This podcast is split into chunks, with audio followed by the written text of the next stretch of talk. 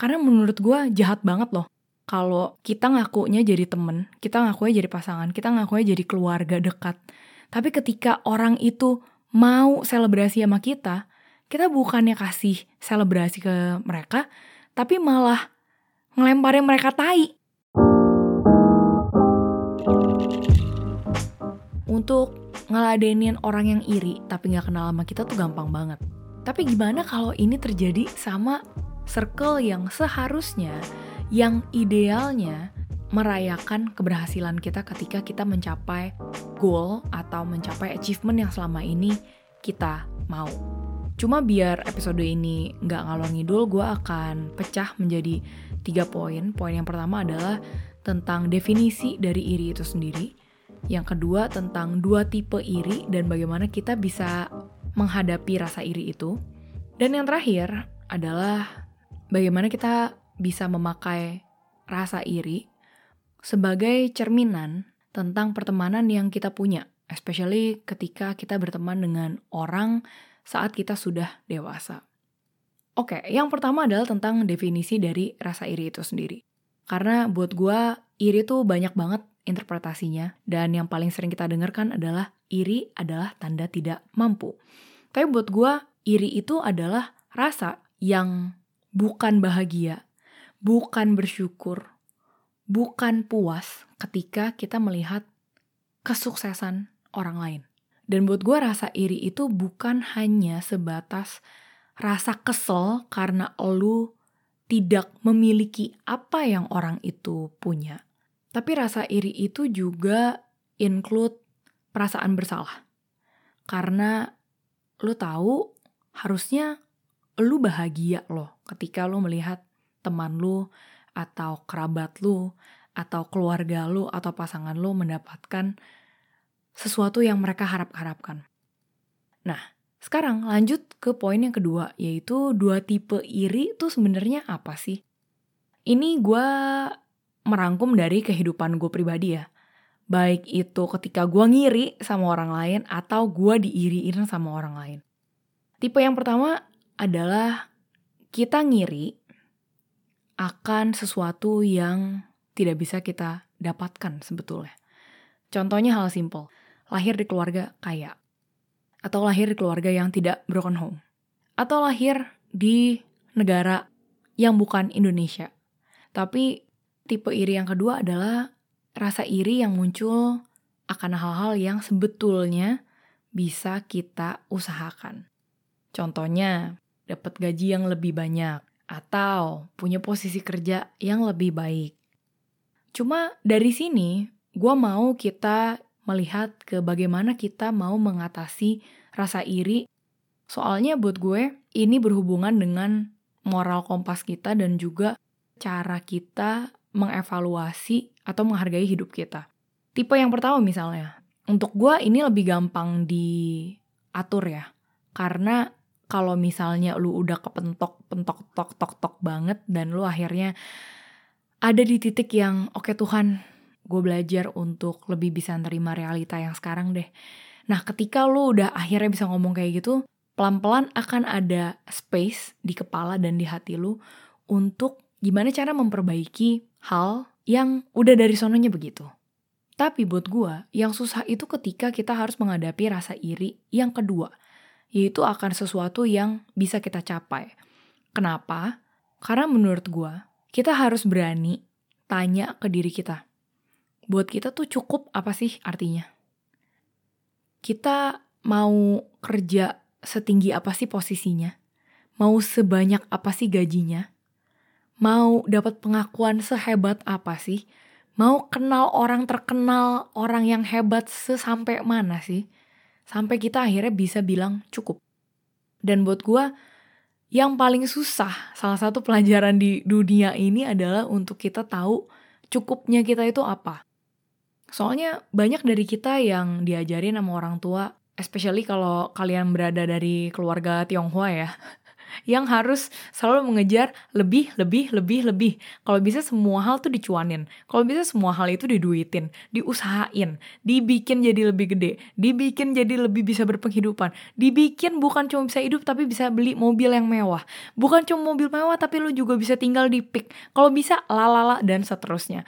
Tapi karena ada pemikiran itu, gue sampai nggak tahu cukup itu tuh maksudnya apa sih kayak cukup buat gue apakah artinya miskin buat buat orang tua gue atau buat orang lain yang ngelihat hidup gue dan kalau misalnya menurut mereka itu miskin atau nggak cukup apakah gue harus terganggu sama hal itu?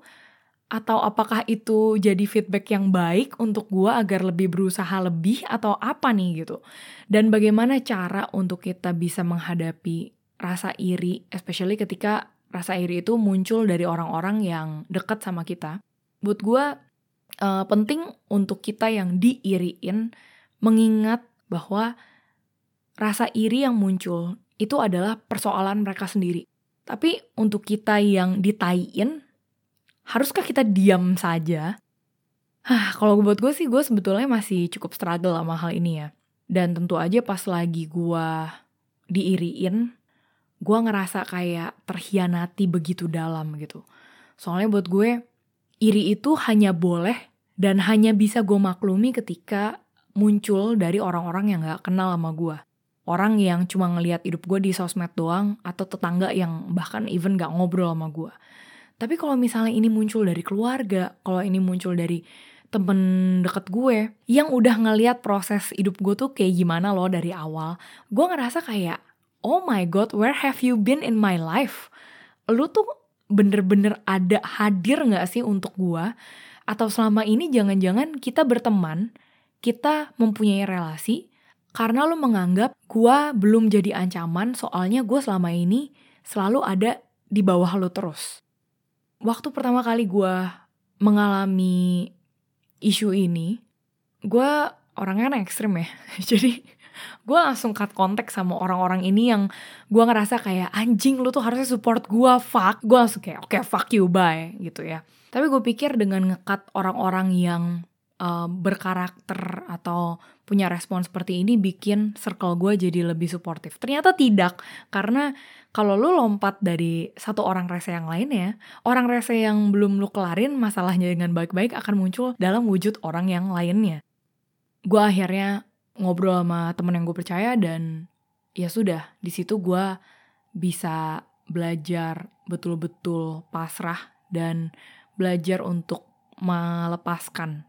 Melepaskan bukan melepaskan orangnya yang gue anggap masalah tapi melepaskan pikiran gue tentang kalau orang iri itu artinya mau nyerang gue. Kalau orang iri itu artinya dia benci gue. Kalau orang iri itu artinya dia mengkhianati gue. Karena seperti episode lalu yang gue share, gak segala hal semuanya tentang lu. Most of the time, apa pun yang orang lakuin, apa pun yang orang obrolin ke kita, itu semua walaupun menyakitkan dan walaupun kesannya kayak ada sesuatu yang salah sama kita. Tapi itu 98% adalah gambaran dari apa yang mereka gumuli dari perasaan apa yang mereka hindari selama ini. Dari cerminan atau bayangan apa yang sama sekali gak mau dia lihat, tapi somehow karena ketemu sama kita, jadi mau gak mau mereka lihat atau bahkan hadapi. Nah yang kedua, ini yang tricky menurut gue.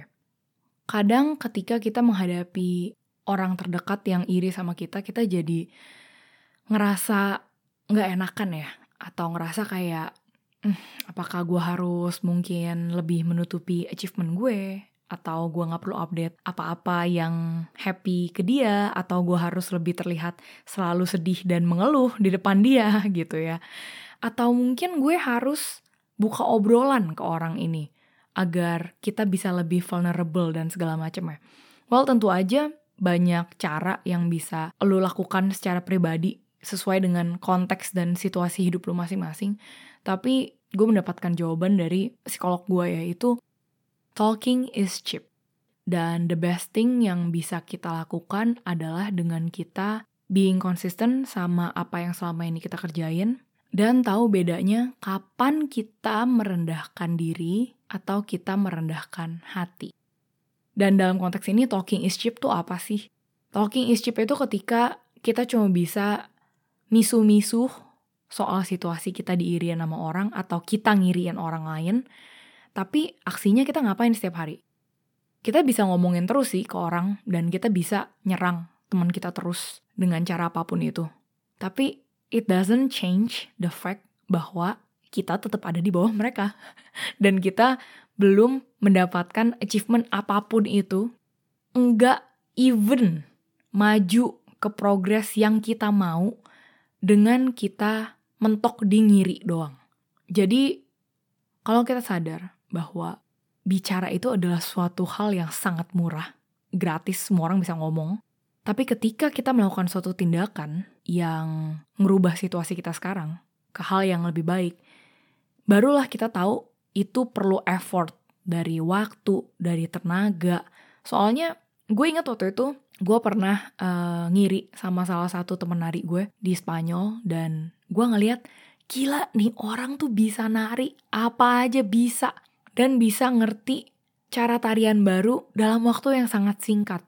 Tapi karena gue menghabiskan waktu yang banyak sama dia dan juga tim yang lainnya, gue jadi lebih mengenal proses dia itu seperti apa. Untuk mencapai di titik yang gue lihat kayaknya nih orang kok enak banget bisa belajarin semuanya gampang gitu.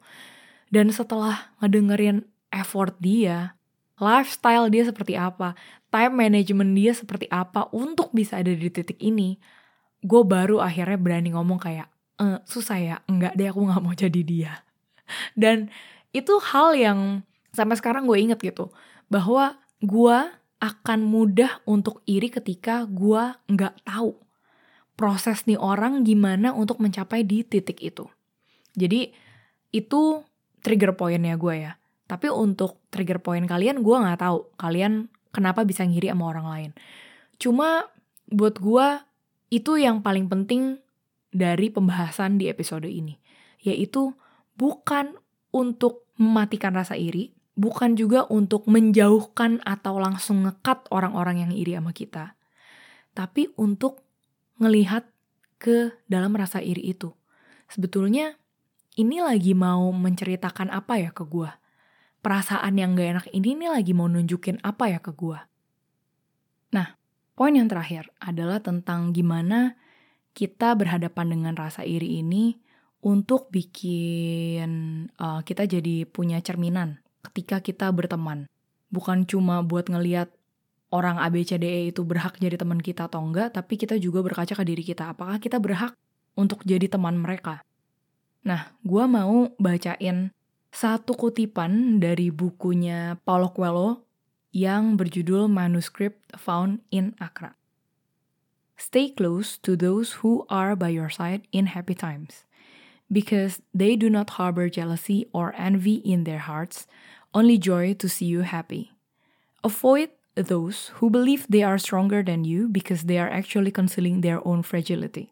Stay close to those who are not afraid to be vulnerable because they have confidence in themselves and know that at some point in our lives, we all stumble. Mungkin selama kita berteman, kita selalu dengar kata-kata bahwa carilah temen yang selalu ada di saat kita lagi kesusahan, bukan cuma saat kita senang. Tapi sebetulnya lebih susah untuk cari orang yang betul-betul bahagia, yang betul-betul bersyukur sama apa yang udah kita capai selama ini ketika lu mungkin outgrow your friends atau mungkin karir lu jauh lebih excel dibanding circle pertemanan lu, lu akan merasa di atas sendirian. Dan itu selebrasi tersedih yang buat gue dialami banyak orang yang expert di bidangnya. Tapi jangan sampai rasa kesepian kita ini ketika kita berada di atas sendirian dan gak ada orang yang bisa selebrasi, bikin kita balik ke teman-teman atau ke circle yang suka atau lebih nyaman ngelihat kita selalu ada di bawahnya mereka. Dan buat gue ini menjadi suatu standar simple yang bisa kita pasang juga ke diri kita sendiri. Kalau selama ini kita bilang, wah gue udah temenan sama ABC udah berpuluh-puluh tahun atau sekian tahun. Atau kita ngaku bahwa kita temen deket nih sama orang ini. Tapi ketika mereka ada di atas, bisakah kita bener-bener happy sama mereka? Dan kalau misalnya ada rasa iri, even setitik pun, bisa nggak kita ada kesadaran untuk langsung pakai rasa iri itu ngobrol sama diri kita sendiri. Bukannya malah ngeprojeksiin itu ke orang yang seharusnya sedang merayakan kebahagiaannya mereka. Karena menurut gue jahat banget loh. Kalau kita ngakunya jadi temen, kita ngakunya jadi pasangan, kita ngakunya jadi keluarga dekat. Tapi ketika orang itu mau selebrasi sama kita, kita bukannya kasih selebrasi ke mereka, tapi malah ngelemparin mereka tai. Kebayang gak sih? Apakah kita layak untuk bilang diri kita bahwa kita kenal baik sama orang ini? Atau kenal dekat sama orang ini?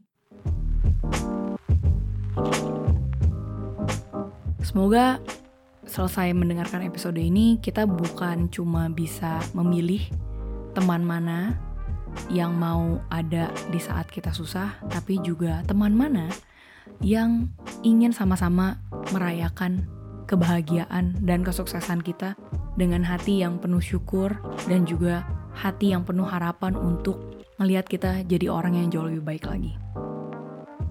Thank you for listening dan kalau episode ini relate banget ke kalian, jangan lupa untuk ngobrol sama gue di DM atau kalian juga bisa share episode ini ke teman-teman kalian yang membutuhkan dan share support kalian lewat rating bintang 5 di Spotify. I'll see you for next episode and bye-bye.